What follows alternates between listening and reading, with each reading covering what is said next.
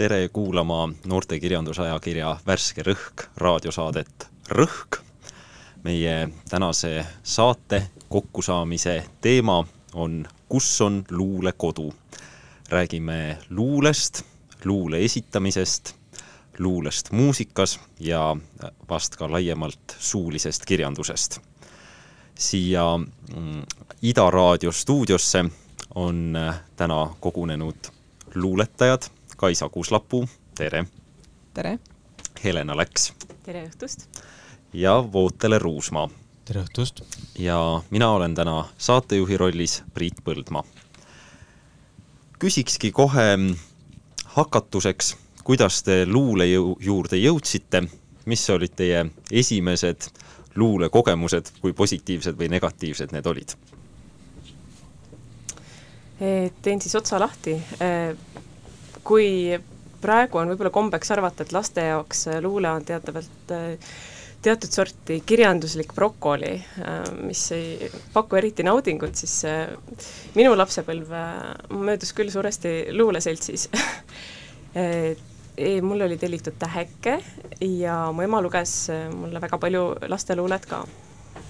ja minu lemmikraamat oli Piia Bergi valik, valik luulekogu Õnnelaps, mida oli tõlkinud siis äh, Leelo Tungal, see oli vist ilmus kusagil kaheksakümnendate lõpus. Ja, ja sest peale ma tegelikult jah, tundsin, et luule on midagi väga mõnusat eh,, mida,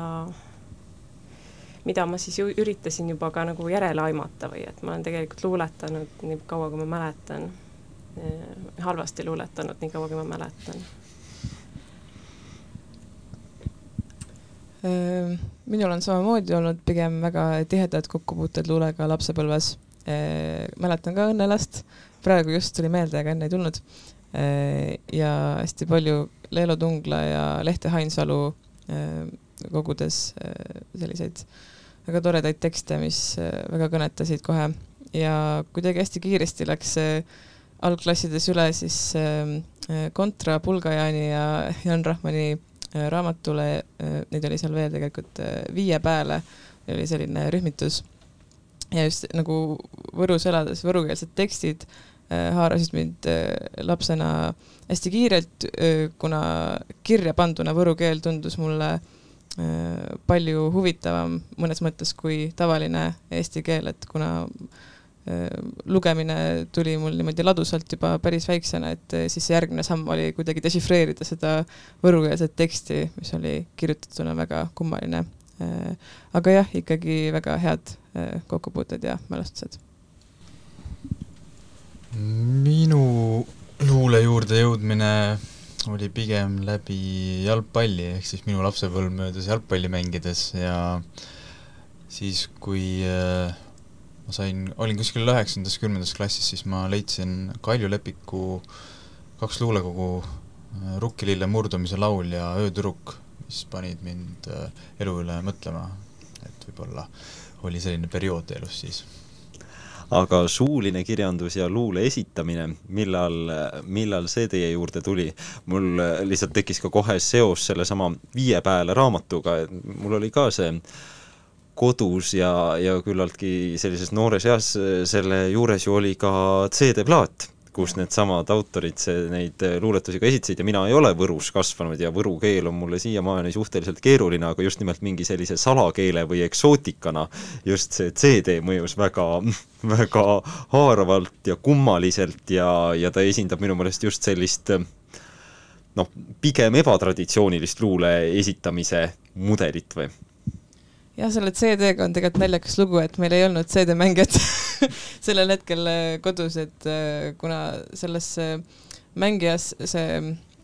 Mac, mis esitas edukalt kassette, aga CD koha pealt sinna vanaema laualamp põletas sellise toreda vao sinna sisse, et,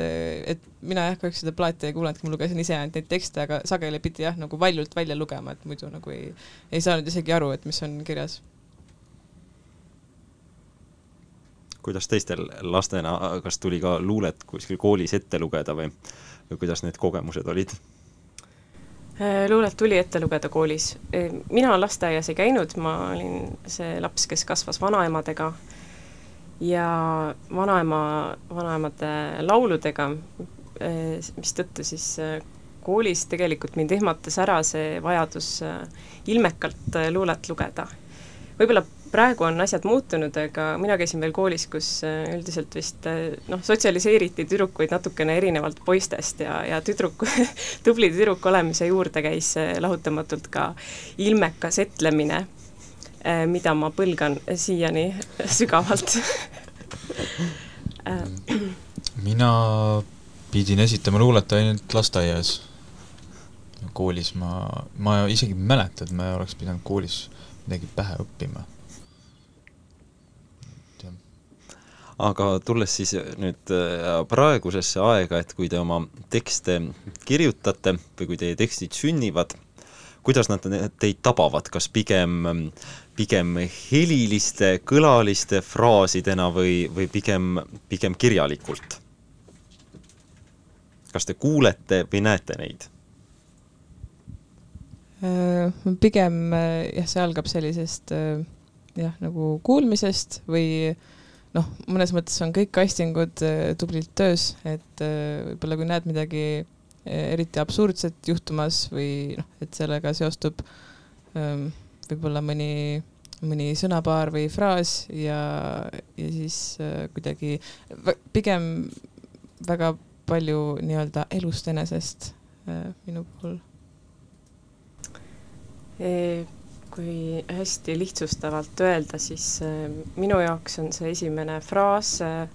miski, mida ma näen äh, tähtedena, tekstina ja see on natukene nagu niidiots, millest saab kinni võtta ja sikutades kuhugi jõuda. mis tähendab tegelikult ka seda, et see lõngakerakese nii-öelda, kuhu me nüüd liigume võib olla midagi hoopis muud, hoopis teist värvi kui see alguse jupp, mida ma näen, mis ka võib tähendada seda, et see esimene fraas lihtsalt eh, juhatas teele, aga see teksti sisse ei jää, et ta on käivitaja. ehkki sagemini vist küll on see midagi refräänilaadset, millest ma ei raatsi lahti lasta, sest et eh, mõnikord ma lihtsalt ei raatsi vist minul hakkab pigem pildist just, äh, mida ma näen, mingisugune impressioon või irritatsioon, mida ma püüan siis jäädvustada ja tol momendil äh, pisut noh, banaalselt võib öelda, et jääb aeg seisma, aga tol hetkel võib-olla tekib ka see mingisugune kujund, ehk siis mina pigem kirjutan väga palju läbi kujundite aga teiste kirjutatud luule, kas see tabab teid, kas te naudite seda pigem paberil või, või on teil ka sellist noh, kogemust või, või kas te õpite mingeid tekste pähe, kas tekstid kuluvad teile pähe? on teil sellega kuidagi, et, et kanda teksti kaasas, kas, kas see tähendab seda, et see tuleb endale kuidagi pähe õppida? Ehm, minu puhul äh, ma olen avastanud, et ma olen õppinud mingeid tekste pähe ja siis mingi aja jooksul need jälle unustanud. mul ei ole ühtegi sellist teksti, mida ma praegu suudaksin terviklikult võib-olla ette kanda. ja ma arvan, et see põhjus on seotud sellega, et äh, mingis hetkes, kus nad äh, tekitavad mingit äratundmist, võib-olla mingit äh, noh, võib-olla siis annavad mingi lahenduse või, või pakuvad võimalust selle kallal mõtiskleda, ehk siis ikkagi see teraapiline aspekt et ma kannan neid nii kaua endas, kuni ma olen jõudnud mingisuguse lahenduseni ja siis ma ei vaja neid tegelikult enam ja siis ma unustan nad ära kuni järgmiste tekstideni. et mina jah, see deklameerija tüüp tegelikult ei ole, et ma ei, mul ei ole ühtegi peas. aga ma olen õppinud jah, ma mõtlen praegu, et kui noh, Ringo Ringveed mingi aeg ja, ja ja Viivi Luige tekste, et need on vist kõige rohkem nagu ligi olnud mingitel aegadel jah, koolis oli jah vaja pähe õppida mingeid tekste, muidugi olen tabanud ennast toredatelt seltskondlikelt koosviibimistel ka, koosviibimistelt viimasel ajal, kus mõni sõber lihtsalt sellise ilusa ähm, mingi sõpruskonna õhtusöögi juures lihtsalt tõuseb püsti ja siis esitab mingi hästi ilusa sellise äh, klassikalise mingi luuletuse äh, ja siis kõik on, noh, see mõjub selles hetkes nagu nii ehedalt, et minu esimene mõte on muidugi see, et vau, et kuidas tal peas on lihtsalt suvalisel hetkel mingi selline luuletus ähm,. ise jah, ka kahjuks ei, ei oska niimoodi äh, peast deklameerida, aga mis mulle meelde jääb äh, nende luuletuste äh, puhul siis, et mm, et kui ma kuulen, et on vahe, kas ma loen seda luuletust paberit, paberil või näiteks kui ma kuulen seda äh, kellegi esitatuna, et tavaliselt kui keegi esitab seda, siis mul seostub selle inimesega, noh näiteks jääb mingi fraas meelde, mis nad ütlesid ja kui ma seda inimest jälle näen, et siis mu noh, lihtsalt, aa, et kuule, sinu luuletuses oli ikka nii lahe see, noh, see üks koht, vaata, mis rääkis nendest äh, vanaema veinilaienditest või noh, mingi selline, äh, et need jäävad nagu kõlama, aga paberluules ka, et äh, et mingis hetkes lihtsalt võib kõnetada ja jääda kuskile mälusoppi, aga just, et ta tuleb mingil hetkel välja, kui, kui on mingi sarnane tunne või olukord selle hetkega, kus ma seda esimest korda siis nägin mina kannan näiteks reisidel kaasas äh, Lauri Sommeri tõlgitud Richard Brotigani luulekogu Elav hõbedat hanguga pildudes. Et millegipärast on see alati äh, selline viis, kuidas ma võib-olla reisil olles äh, sa-, saavutan veel suurema kontakti noh, kirjandusega kuidagi. et see loob selle pinnase minu jaoks äh, ma ei õpi ka luuletusi pähe, aga üks väike luuletus on küll kulunud pähe Kalju Lepikult öötüdruku luulekogust, et äh, kurbuse vastu rohi ei ole rõõm, kurbuse vastu rohi on kurbus. et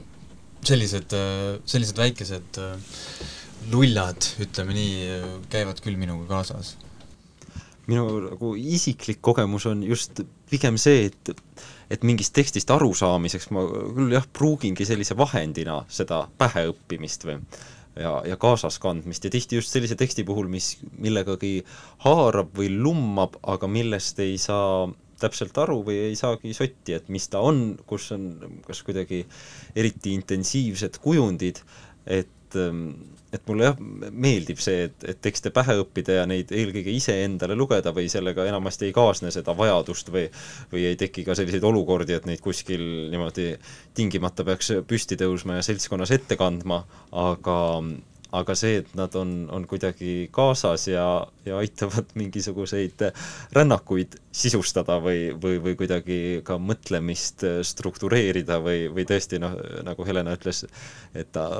noh, toimib teatava teraapiana või, või ka jah, kurjadest mõtetest hoidumiseks võib-olla teinekord hea, kui mõned luuletused on peas. aga ma mõtlen, et luule on vast tihedamalt kui teised kirjandusliigid äh, seotud või, või otsesemalt äh, sellise traditsioonilise suulise kultuuriga ja ja, ja, ja sellest äh, otse välja kasvanud. millest see tuleb, et mõni luuletus sobib lavalt või, või, või, või luuleõhtul esitamiseks ja mõni luuletus vajab enda ümber pigem seda kirjapaberi äh, tühjust ja, ja vaikust ja seda lugeja ja teksti kahekesi olu. on see rangelt eristatav, et on ühed luuletused, mis sobivad ühte konteksti paremini ja teised, mis teise? no esimene mm, seos on mul või noh, kus ma olen puutunud äh, viimasel ajal kõige rohkem kokku elava luule esitusega äh, ongi äh, siis luuleprõmmud või sellised äh, siis äh, Tarslammi ürituste sarja näiteks silmas pidades, et ähm, seal laval on noh, kuuldud igasuguseid asju, selles mõttes, et väga noh, väga põnev, väga põnev noh, et on käinud ühed samad esitajad, siis on noh, kedagi uut äh, aeg-ajalt ikka sees ja hästi huvitav on selliseid nii-öelda erinevaid nägusid ja käekirju näha äh,. Küll aga, mis ma ei arva, et võib-olla niivõrd tekst, noh, tekstid kuidagi ähm, oleksid sellised, et noh, see nüüd sobib äh, Prõmmule ja see mitte, et aga ikkagi pigem esitaja äh,, noh äh,, et just see mm,, kuidas, kuidas midagi lugeda või äh, kuigi noh, ikkagi olen ka ikkagi toredaid üllatusi saanud äh, nendes äh, voorudes, et äh, et, et isegi kui mõnikord nagu, nagu tekst nii väga ei paelu, aga see inimese olek või kuidagi tema, tema hääl ja selline valmidus on, on hästi, hästi huvitavad, et aga aga noh, Slamil on ka paratamatu see, et, et nii-öelda teise vooru kvalifitseerumise otsustab äh, publik. Ja sageli on olnud seda, et tahaks väga kuulda kedagi teises voorus, aga lihtsalt äh, need inimesed, kes parasjagu hääletavad, seal antakse nagu juhuslikult põhimõtteliselt välja need äh, punktikaardid et äh, kuidagi minu noh, et, et on olnud sageli olukorda, et minu maitse ei kattu üldse nende omaga, et nii kahju, et oleks tahtnud kedagi veel kuulda, et, et selles kontekstis on, on jah, pub-, noh, publikust oleneb hästi palju. kuidas sa ise valid, mis tekste sa luuleprõmmul esitad ja mida mitte, kas sul on mingid tekstid, millega sa kunagi sinna lavale ei lähe? Mm, jah, see on selline julgus, mida peab treenima, et mingi väike siseheitlus on alati, et ähm, muidugi on alati lihtne minna kergema vastupanu teed. Ehm, et, äh, et ma pigem, pigem on, äh, on slammiga mul selline suhe, et ma ei, ma ei ole väga palju, ma, ma ei armasta üldse tegelikult sellist ähm, ähm, olla selles ettelugemise olukorras niimoodi, et ma olen üksi kodus ja ma näiteks harjutaks seda teksti, et äh, et see on nii nagu noh, igasuguse esinemisega, et, et see, mis sul kohapeal äh, noh, kas sul tekib äh, mingi kontakt selle saaliga ja, ja kui ei teki, siis noh, siis on lihtsalt niimoodi. Aga valimise mõttes jah, ma ähm, kuidagi mõnikord olen olnud natuke, olen jah valinud mingite tekstide poole ennast, mis on nagu turvalisemad pisut äh, ja teinekord olen jälle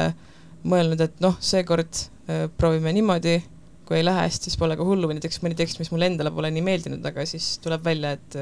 et hoopis kuidagi äh, publikule meeldib ja, ja siis ise saan nagu sellise üllatuse osaks, et ahah,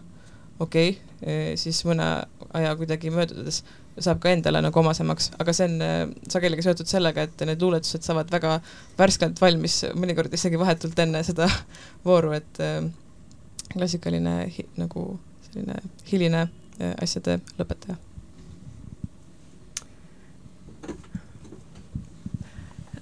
et kas luuletust, kas kõiki luuletusi sobib ette kanda, ma mõtlen, et võib-olla saab neid kuidagi äh, eristada, et äh, on luuletused, mis on loodud kogukonnale, näiteks ma, mulle tuleb praegu pähe Jamaica juurtega taabluule, mis tekkis äh, Kingstonis ja tegelikult ka Londonis seitsmekümnendatel, et see on siis selline noh, rege rütmiga spoken word luule, mida, mida esitatakse noh, mida alati esitatakse, et seda ei ole enne tekst, vaid alati on ettekanne ja see on alati äh, alati ka poliitiline, et äh, minu meelest nagu need, need luuletused näiteks, mis kätkevad endas poliitilist sõnumit, äh, on alati ka nagu ettekandmiseks äh, sobilikud või sest et nad on ühiskondlikud, nad on kogukonnale suunatud tekstid. aga, aga samas on ju ka tekste, mis, mis on loodud, et nad jumala eest kuidagi saaks karpi ja eest ära, et enda peastki nagu välja, et et mis jumala eest ei tohiks nagu jõuda kuulajani ja, ja nendega tuleks nagu hästi peenetundeliselt äh, ümber käia, et isegi kui need on äh, lõpuks jõudnud äh, kaante vahele ja, ja justkui nagu justkui saanud kõikide omaks, kõikide tõlgendada, siis ikkagi vot see on see osa nagu mm, luulest, mida, mille ettekandmise puhul tuleks nagu mitu korda enne mõelda, et kas seda on tarvis ja, ja miks ja, ja kas on nagu siiras soov seda teha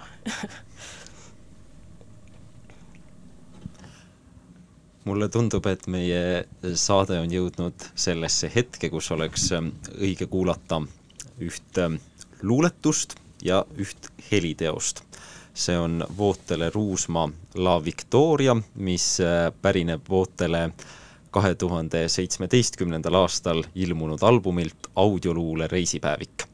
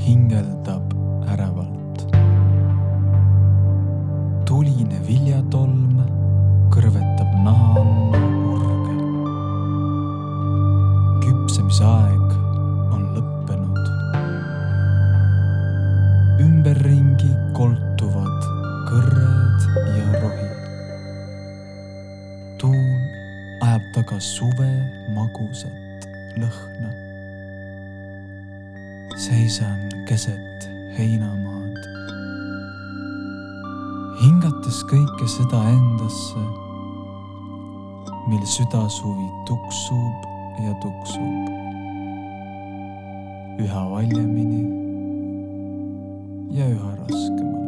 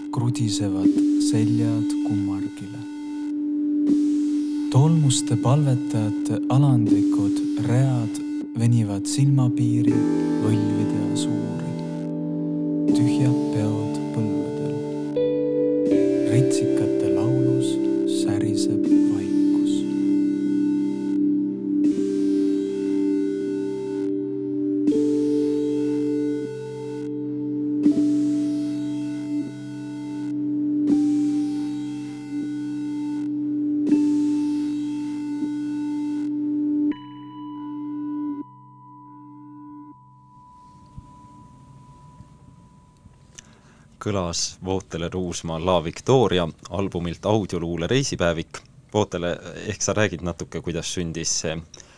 kuuldud pala ja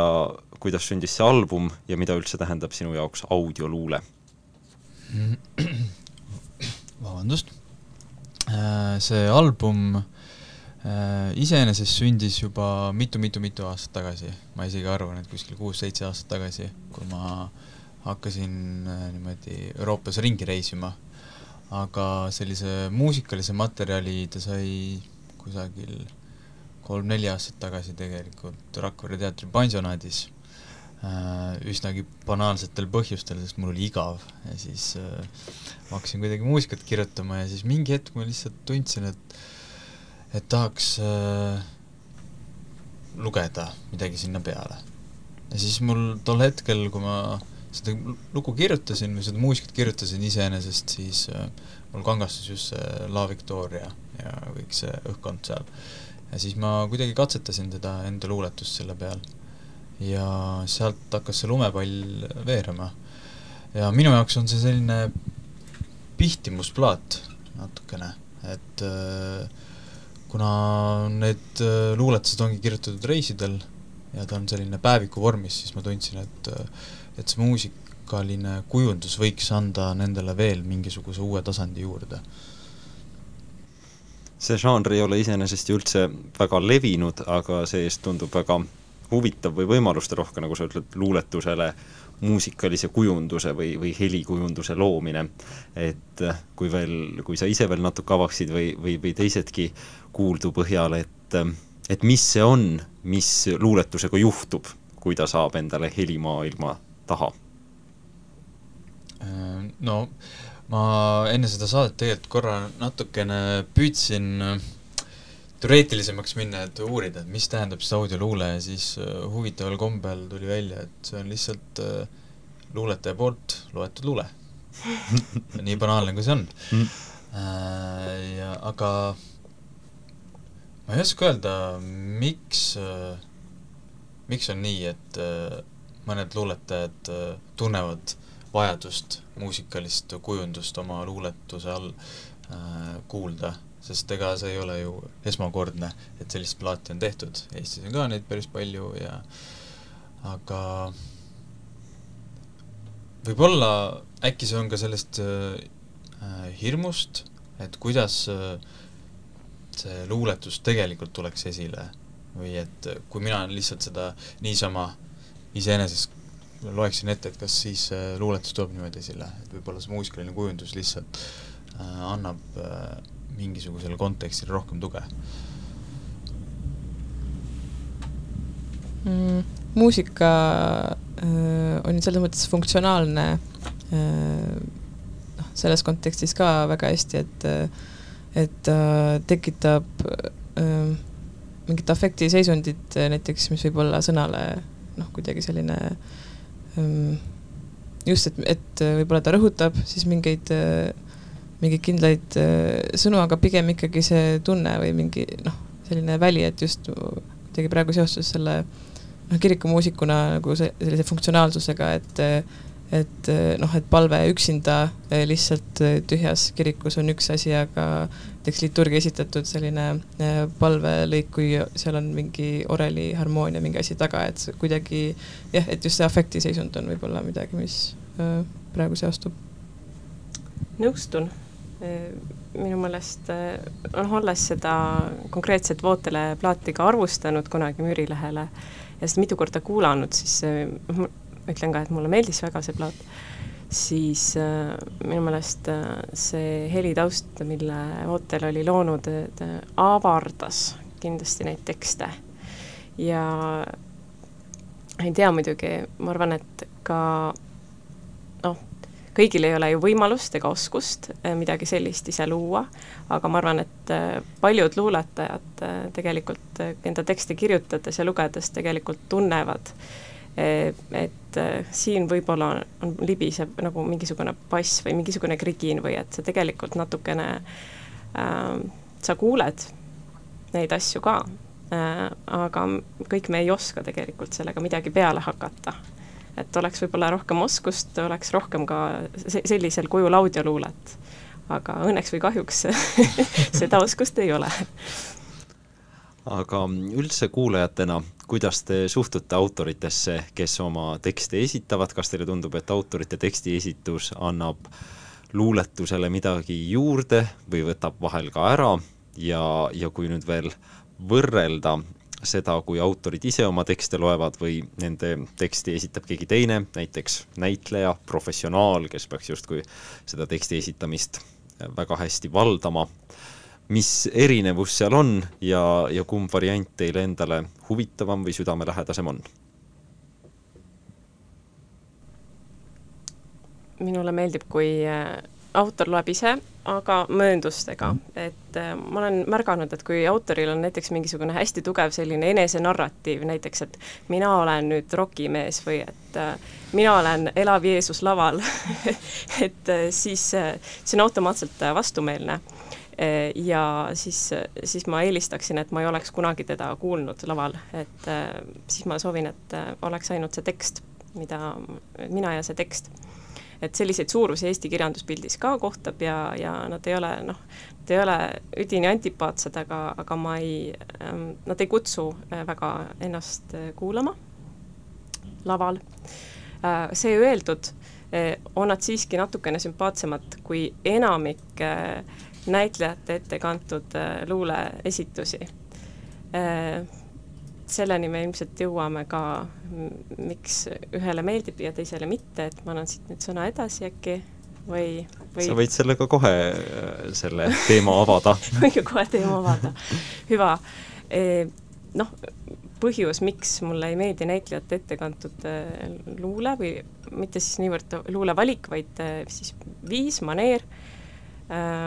ei ole siis nii, ma arvan, niivõrd seotud näitlejate endiga, nad ei ole halvad näitlejad, nad ei ole halva, halva kooliga näitlejad ega rumalad inimesed, äh, vaid, vaid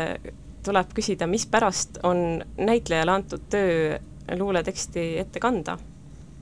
ja, ja kui suur vabadus tal on üle pea seda tõlgendada kui palju tal on aega selle tekstiga veeta. et äh, mulle tundub, et Eestis sageli, kui näitleja peab kandma ette luuleteksti, siis on, äh, on see seotud eeldusega, et äh, autor ei suudaks seda teha, autor ei suudaks äh, laialt, laiadele massidele kohale jõuda. autor on teatud mõttes käpardlik. ja nii on siis palutud talle appi näitleja, kes ei pruugi tingimata omada sidet selle tekstiga, see on tema jaoks töö. ja ja niiviisi vist äh,, niiviisi vist äh, tekibki olukord, kus äh,, kus kellelgi ei ole luulest mingit rõõmu jah, no ja autor võib ju ka surnud olla ja seda mitte ainult metafoorses tähenduses, aga mõistagi. aga et mulle tundub, et vahel juhtub küll harvemini, aga sedagi, et et näitlejal on selle tekstiga intensiivne suhe ja ta ise ka tahab seda ette kanda, aga mulle kuulajana jääb ometi tunne, et minu jaoks on selle teksti küljest midagi olulist või huvitavat ära võetud või selle teksti mõistatus on minu eest ära mõistatatud või mulle antakse vastused ja mul hakkab korraga kuulajana hästi igav. et, et mulle tundub ka siin üks, üks, üks oluline erinevus tihti äh, autorite ja, ja näitlejate tekstiesituse vahel, et äh, näitlejad äh, kipuvad enamasti pakkuma noh, need on hästi suured üldistused, mida ma siin teen, no mis, mis parata. et äh, näitlejad kipuvad enamasti pakkuma sellist ähm, selgemat tõlgendusmudelit, sellal kui autorid võib-olla ulatavad meile oma esituse kaudu selle teksti mm, kuidagi kuidagi mitmetähenduslikumalt või, või esitavadki selle teksti nii, et mul jääb ruum ise süveneda nii selle teksti poeetikasse kui sellesse, millest see tekst räägib. üks ähm, selline päris intensiivne kogemus mu jaoks oli mullu mm, mullu augustis Rakveres toimunud Eesti esimene üldluulepidu. iseenesest äh, igati sümpaatne algatus, kuigi äh, sõnaühend üldluule kätkem endas minu meelest sellist päris julma oksüümoroni. aga, aga see selleks, igatahes seal esitasid tekste nii näitlejad kui autorid ise ja mm, valdavalt, kui ma nüüd ei eksi, siis printsiibil, et kirjanikud lugesid mitte enda, vaid teiste autorite kirjutatud tekste. ja minu jaoks oli see võib-olla kõige huvitavam osa sellest ähm, ettevõtmisest, ähm, näiteks Rein Raud interpreteerimas Uku Maasingut ähm, ja, ja veel mitmed äh, teisedki, Doris Kareva lugemas Liidia Koidulat. et et see, kuidas autor, kirjanik, keele ja sõnaga väga sellises tihedas intiimses suhtes olev inimene avab korraga teise autori teksti ilma, et ta seda mingisse väga emotsionaalsesse tõlgendusraami suruks. et see oli tõesti sellel, sellel õhtul väga elamuslik. et, et ka see on üks variant, mida kummaliselt harva pruugitakse aga veel mõtteid selle luuletajate ja näitlejate tekstiesituse erinevuse teemal või, või üldse sellest, et kuidas luuletajad oma tekste esitavad? mulle tavaliselt väga meeldib, kui autorid esitavad ise oma luulet, ma tunnen täiesti sellist sportlikku huvi, tuhinat sel hetkel, et, et ma saan justkui nende kohta midagi teada, et äh, midagi väga isiklikku äh, selles mõttes. ja isegi kui äh, jah, et miskipärast on meile koolis õpetatud jah, et peab lugema ilmekalt ja ära loe liiga kiiresti ja et ise niimoodi mm, ise kipun vuristama lugedes, aga kuidagi mulle samamoodi meeldib kuul-, kuulata inimesi, kes vuristavad, aga võib-olla see on lihtsalt mingi selline lainepikkuse küsimus et, et mina olen noh, pigem selle poolt ka, et autorid, või noh, mulle meeldib kuulata, kui autorid ise loevad just nimelt seesama, see vuristamine vabastab mingis mõttes teksti liigsest tähenduste koormast või, või annab mm. jah, võimaluse minna kaasa selle tekstivoo endaga, mitte niivõrd nagu ühe või teise väga intensiivse ja kuidagi tõlgenduslikult juurde mõeldud kujutluspildiga või? jah, mina vastaks isegi sellele küsimusele niimoodi, et sellest lähtepunktist, et ma, noh, ma arvan, ma võin üldistada, et äh, luuletajad, kui nad kirjutavad luuletust, see on tõsine läbielamine tegelikult, sest mõni rida võib siin noh, ajadagi hulluks reaalselt äh, või et sa ei leiagi ühel luuletusel lõppu või keskkohta, et äh, ja kui ma kuulen, et see autor järsku loeb selle luuletuse ette, siis äh, mõne puhul ma ei panegi tähele, et seal oleks olnud nii keeruline see, kuigi see tekst võib olla nii intensiivne kui tahes. aga ta loeb seda sellise apaatiaga, siis see on väga kütkestav jällegi. siis on noh, et siin tekib see sürreaalsus, et äh, kuidas see võimalik on, see paradoks, et et äh, tol hetkel ma isegi mõtlen jälle, et et tol hetkel, kui ta loeb seda luuletust, siis ma näen tegelikult, autor on surnud lava peal tol hetkel just. aga ise, kas te naudite enda luule ettekandmist? no ütleme nii, et selle plaadi peal ma isegi enam-vähem täitsa talun muidu ma ei oska öelda, see, siin on võib-olla ka see, et mis kontekstis sa seda luulet esitad. et võib-olla see dikteerib ka päris palju, et äh, kuna ma olen Sveta Grigorjeva ja Jürgen Roostega äh, esinenud, esitanud palju luulet, siis ähm, tihti me oleme jõudnud kuidagi sellisesse performance äh, esitusvormi, et see kõik on äh, spontaanne, seal on nii palju improvisatsiooni, minu muusikaline kujundus on tihtilugu olnudki tulen kohale ja hakkame vaatama, mis saab. et see on väga palju mõjutatud sellest, et mis energiaga äh, lava peal oleme, mis esitusmaneer on, mis on, ma ei tea, tol hetkel kas või Eesti riigis juhtunud või et mis on see tüliõun näiteks, et äh, mida sa võib-olla tahad seal kas nüüd lava peal otseselt äh, välja elada, aga millele niimoodi rõhku panna, sest äh, mikrofon tegelikult on ju meie noh, häälevõimendi, et kui sa juba selle mikrofoni võtad, siis, siis võiks äh, näha vaeva ka sellega, et sa ütled siis midagi? Äh, jah, see suhe enda luule esitamisega on kindlasti arenenud aja jooksul, et, et ähm, ma pigem kaldun sinnapoole, et, et ma äh, naudin enda luule esitamist, äh, aga just see konteksti küsimus, et et mis on, mis on, mis on publik, mis on mu enese selline nagu äh, seisukord äh, antud juhul. Ja ja tegelikult jah, peab tunnistama, et äh, kõige rohkem ma olen saanud sellist äh, praktikat just nendes äh, luuleprõmmu eelvoorudes ja, ja, ja ka tekib, mulle tundub, et mul tekib selle paigaga, kus see Tarslam toimub, siis Vilde ja Vine tagumises saalis, et kuidagi, et ma tean, missugune valgus seal on, mis, mis värvid seal toas on ja kuidagi, et oh, nüüd ma olen seal ja loen seda teksti ja tõenäoliselt ma ei näe nagu publikusse mitte midagi, aga kuidagi noh, mul tavaliselt ikkagi tekib mingi hasart või kuidagi selline teadmine, et noh, nad siis kuulavad ja ma siis pean ennast kokku võtma, et midagi öelda, et kuidagi tore selline enesepiinamise viis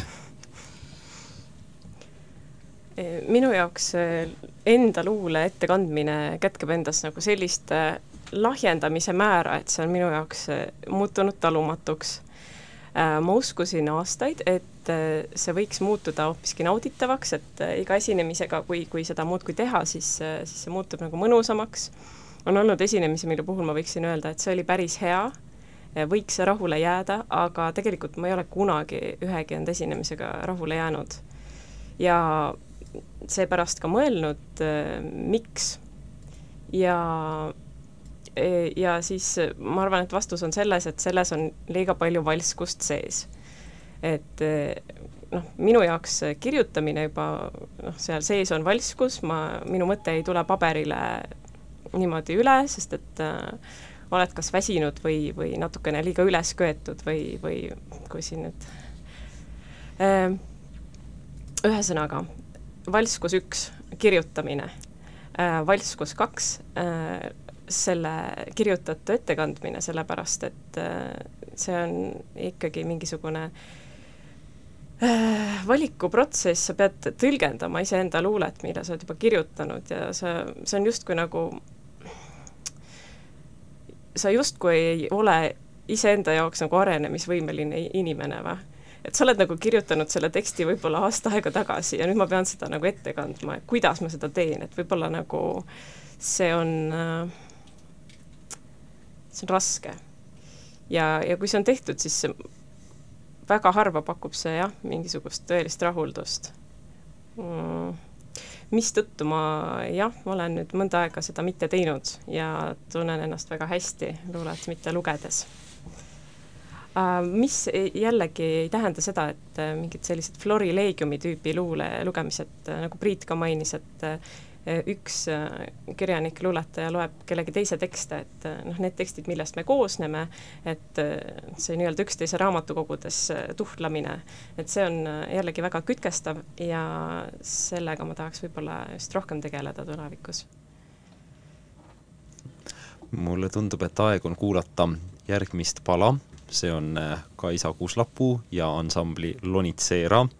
Anatoomiliselt korrektne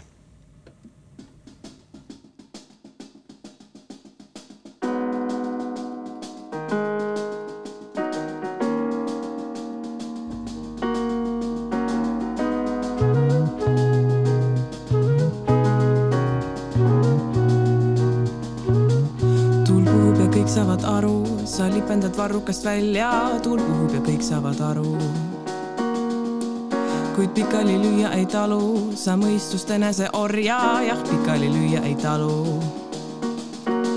liig tõsiseltvõetavalt mõjud, sa mulle ning juba on raske, liig tõsiseltvõetavalt mõjud ning ebapraktiline aju, ta käitub kui liblikavastne, ta lihtsalt ei saa aru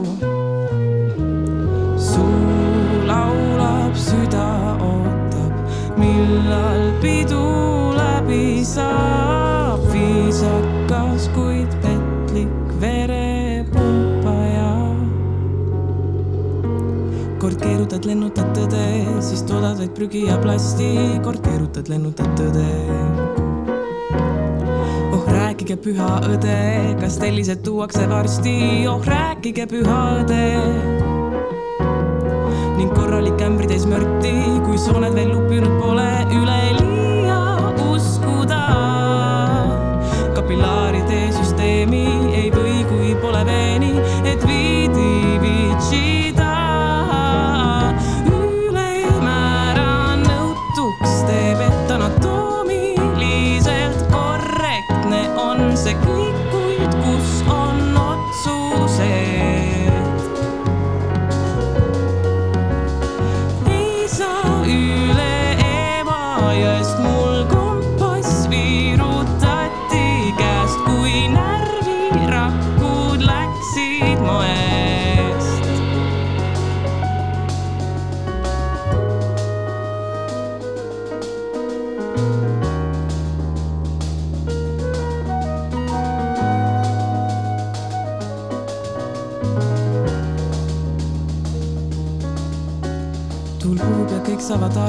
sa peidad end paberi sisse, tuul puhub ja kõik saavad aru. sind tähitud kirjana saadaksin kõrval palatisse, kuid saapasäärde vajud. ning sinna jääda soovid, ent vastu pead vaid kuumalt rinnust tuksuma. sa tõused nõnda ruttu, siis kohe haihtud uttu, mis tahad ütelda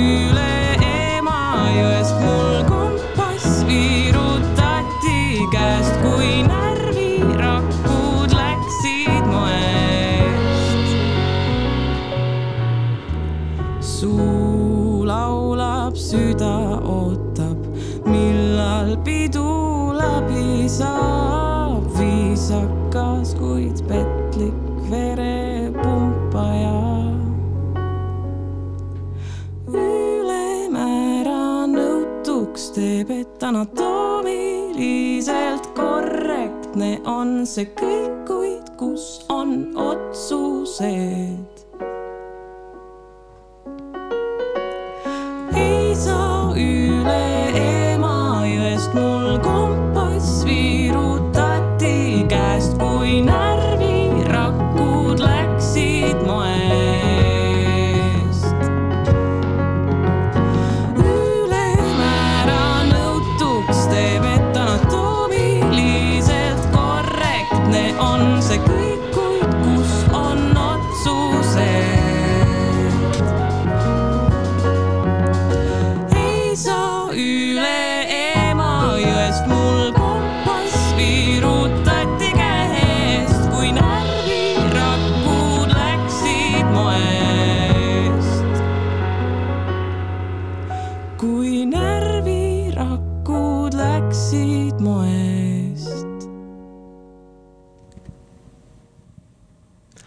Kuulasime Kaisa Kuslapuu laulu Anatoomiliselt korrektne ja nüüd ongi hetk, et küsida Kaisa käest, et ähm, kuidas see laul ja, ja kuidas üldse sinu luuletused ja laulutekstid sünnivad? laulutekstid äh, on äh, pisut teistsugust tõugu äh, minu jaoks, kuna nende äh, valmistamine ja vormistamine pakub mingit sellist äh, naudingut, mida ma hetkel äh, luuletuse kirjutamisest nii-öelda, mis on siis mõeldud ainult äh, siis ilma muusikata, kas esituseks või lugemiseks, et, et sellist naudingut ma ei saa ähm, võrreldes siis äh, lauluteksti kirjutamisega, sest laulutekst äh, tuleb äh,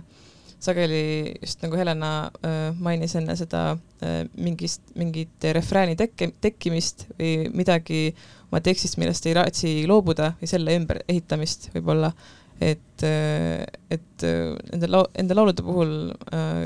alati, peaaegu alati ütleme niimoodi üheksakümmend üheksa koma kaheksa protsenti kordadel kõigepealt kirjutan valmis refrääni ja siis üritan sinna ümber niimoodi seda, seda ringi tekitada ja, ja tekst tuleb äh, pigem koos, koos viisiga, et mingi väike fraas, mis nagu jah, et, et kuulan teda sees ja siis arendan äh, edasi. Jah, ega mul on analoogne selline kirjutamisprotsess, kuigi ma pean nüüd ütlema tõesti, et äh, olles rohkem kirjutanud muusikat kui kujundusena, siis äh, lauluteksti, mina nimetan seda lüürika kirjutamine on muutunud mu, minu jaoks veel keerulisemaks, et ma enam ei suuda selles mõttes äh, niimoodi laulu sisse ennast korrektselt või arusaadavalt ära mõtestada. Et äh, mul on tekkinud nüüd endal sellised väiksed äh, probleemid see meie tänane jututeema äh, suuline kirjandus ja, ja luule esitamine seostub võib-olla ühe sellise protsessi või tendentsiga. kirjanduse ja üldse erinevate kunstialade teatraliseerumisega, millest hiljuti on näiteks Jan Kaus mitmel pool kõnelenud väites, et, ähm, et me olemegi praegu sellises ajastus, kus, ähm, kus kirjanikud peavad üha rohkem mõtlema sellele, kuidas oma tekste esitada, presenteerida, kus lisaks sellele, et olla autor, pead sa olema ka iseenese interpreet. kas ähm, te jagate seda tunnet, et, et äh, esitamisega arvestamine ja esitamissituatsiooni mingis mõttes sissekirjutamine juba teksti endasse on kirjanduse tulevik? Ei. Äh, ma muidugi ei ole päris kindel, äh, kui pikka ajavahemikku võis Jan Kaus pidada silmas, kui ta mõtles äh, nüüd või viimasel ajal, aga see minu meelest kuuluvad just pigem minevikku need sellised väga teatraalsed, väga tugeva sellise äh, Äh, noh, enesenarratiiviga, eriti seda just laval kehtestavad äh, luuletajad, et kui ma noh, praegu mõtlen, et Bukovski või, või, või noh, üldse mingisugune biitnikute klann, on ju, et, et see ei ole üldse nii nagu viimase aja teema, et, et ikka siin ja seal on välgatanud selliseid tüüpe ja, ja, ja see nagu mood ja hoog on äh, noh, ma ei näe, et see oleks praegu kuidagi kulmineeri-, kulmineerumas või ma ei tea, kas siin võib näha ka mingit erinevust, ütleme, maailmakirjanduse ja eesti kirjanduse vahel või, või ütleme, et ka eesti kirjanduses see kirjandusõhtute traditsioon ulatub kuskile kahekümnenda sajandi algusesse ja, ja Siuruõhtu ja, ja, ja kõik need muud luulelugemised. Ja, ja siis võib-olla üks selline kõrghetk veel kuskil kuuekümnendatel, aga ma arvan, et nii rohket luule esitamist ja just sellist äh, suulist luulet ja, ja nii palju seda, et autorid ise oma tekste loevad, kui, kui praegu või ütleme, viimase kümne-viieteist aasta jooksul ma arvan, et sellist olukorda pole näiteks eesti kirjanduses varem olnud. jah, sul võib ka õigus olla. aga siit edasi mõeldes, et ähm, ma olen ise mõelnud selle peale, et, ähm, et kas ähm, võib juhtuda, et et kui mm, me räägime sellistest erinevate kunstialade äh, lõimumisest ja, ja võib-olla püüdlemisest mingisuguse ürgühtsuse või, või sellise totaalse tervikkunsti kogemuse poole, et, ähm, et kas see ei, ei, kas sellega ei kaasne ka sellist oma isikupära äh, minetamist, et kas võib-olla peaks kirjandus just nimelt spetsialiseeruma sellele, mis on talle ainuomane, sellele kirjakultuurile ja, ja selle arendamisele, et, et jääda iseendaks ja, ja säilitada nii-öelda oma selline spetsiifiline mm, ka, ka oma lugejaskond kumba varianti teie eelistate või, või ka ütleme, iseenda jaoks autorite ja kuulajatena põnevamaks peate? mulle isiklikult ikkagi meeldib äh, rohkem äh, lugeda raamatut, sest see on, luule lugemine minu jaoks on ikkagi väga selline isiklik kogemus ja, ja ma võtan selle jaoks aega, et äh, kui ma lähen lihtsalt luulele õhtule, siis see on kuidagi teistmoodi, sellepärast et seal on juba inimesed ümbritsevad sind, see on juba see seltskondlik selline sündmus, aga kodus luule lugemine, see on tõesti, selles on midagi sellist seksuaalset, kuid samas selles on midagi väga ilusat, pehmet, apollonlikku. selles on nagu noh, selles on kõike ja sa, sa võid seda luulet, luuletust võtta ja sa noh, et ma, tahan praegult lihtsalt lugeda luulet ma, ma ei kujuta ette, ma paneks lihtsalt protski peale ja siis kuulaks, kuidas ta loeks. no siis peab mul tõesti mingi eriline vajadus selle jaoks olema, aga et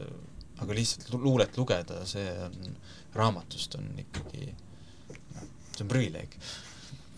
mulle tundub ka, et äh, kuni on olemas introverdid ja ekstraverdid, et või kui õigupoolest, kuni on olemas introverdid, siis ei ole üldse ohtu, et äh, Priidu kirjeldatu võiks nagu lõp-, lõplikult teostuda, sellepärast et noh, see kirjasõna ja, ja raamatud, tekstid,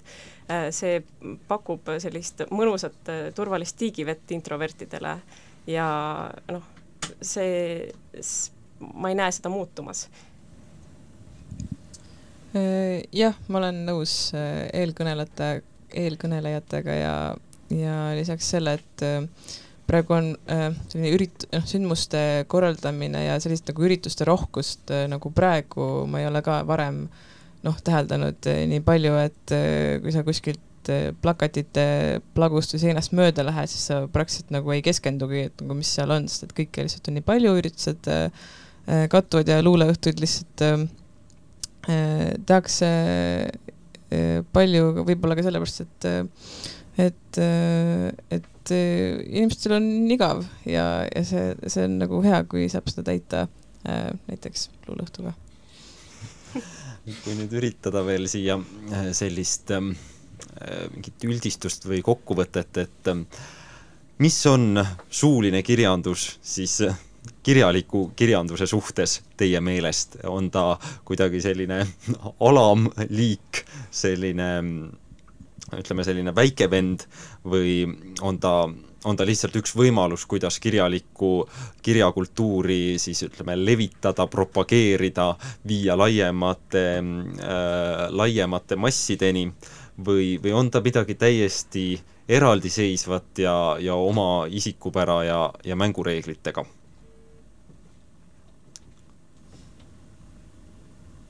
ma kalduksin selle viimase poole, ainult et aeg-ajalt nad nagu lähenevad teineteisele,